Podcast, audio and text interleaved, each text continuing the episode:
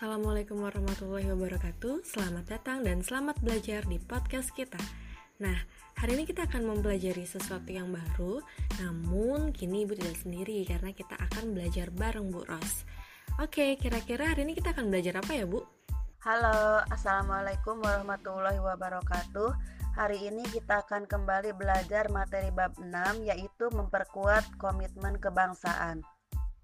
Wah, asik banget nih ya Bu pasti Oke Bu, kira-kira secara keseluruhan materi bab 6 ini terdiri dari subbab apa ya Bu? Wah iya dong, seru pastinya. Materi memperkuat semangat komitmen kebangsaan ini terdiri atas empat subbab Yaitu yang pertama adalah semangat dan komitmen pendiri negara Yang kedua bentuk-bentuk semangat dan komitmen kebangsaan yang ditunjukkan pendiri negara Yang ketiga negara kesatuan Republik Indonesia sebagai satu kesatuan dan yang keempat adalah mewujudkan perilaku semangat kebangsaan. Wih, keren nih Bu. Anak-anak di rumah pasti suka. Oke Bu, kita buat ini jadi hal yang lebih mudah didengar aja yuk. Biar asik kalau dipelajari sama anak-anak di rumah. Oke, kita mulai dari sebab awal aja ya Bu. Oke, yuk. Selamat belajar ya. Ya, kita masuk ke sub bagian A yaitu semangat dan komitmen kebangsaan pendiri negara. Seperti kita ketahui bahwa ada beberapa tokoh yang berperan penting dalam pendirian negara. Yang pertama adalah ada Insinyur Soekarno, kemudian ada Muhammad Hatta dan uh, Muhammad Yamin di mana kita ketahui bahwa perjuangan itu dimulai pada tahun 1908 seperti di bab kita sebelumnya yaitu dengan adanya organisasi yang pertama yaitu Budi Utomo. Nah, setelah itu kemudian ada Sumpah Pemuda pada tahun 1928. Kemudian mulailah pada tahun 1945 kita mempersiapkan kemerdekaan Indonesia. Insinyur Soekarno merupakan tokoh kemerdekaan yang bersama teman-temannya dia mendirikan PNI yaitu Partai Nasional Indonesia pada tanggal 4 Juli tahun 1927. Nah, komitmen dan perjuangan Soekarno untuk kemerdekaan menyebabkan Soekarno ditangkap pada tanggal 30 Desember 1929. Soekarno dijebloskan ke penjara Bancai di Bandung. Jadi eh, banyak sekali pengorbanan-pengorbanan yang dilakukan oleh Insinyur Soekarno untuk mencapai kemerdekaan Indonesia. Demikian juga Muhammad Hatta, dia eh, lahir di Bukit Tinggi, ya. Kemudian kiprahnya di bidang politik dimulai saat ia terpilih menjadi bendahara Yong Sumatera Menbon, wilayah Padang pada tahun 1916. Pengetahuan politiknya berkembang dengan cepat saat Hatta sering menghadiri berbagai ceramah dan pertemuan-pertemuan politik. Akhirnya dia e, melanjutkan perjuangan dalam dunia politiknya.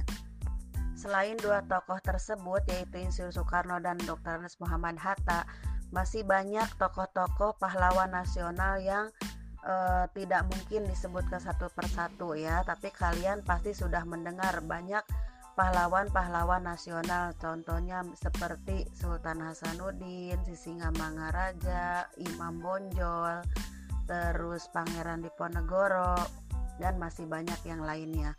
Juga ada yang baru saja kemarin kita peringati yaitu adalah Hari Pendidikan Nasional di mana tokohnya adalah Ki Hajar Dewantara ya.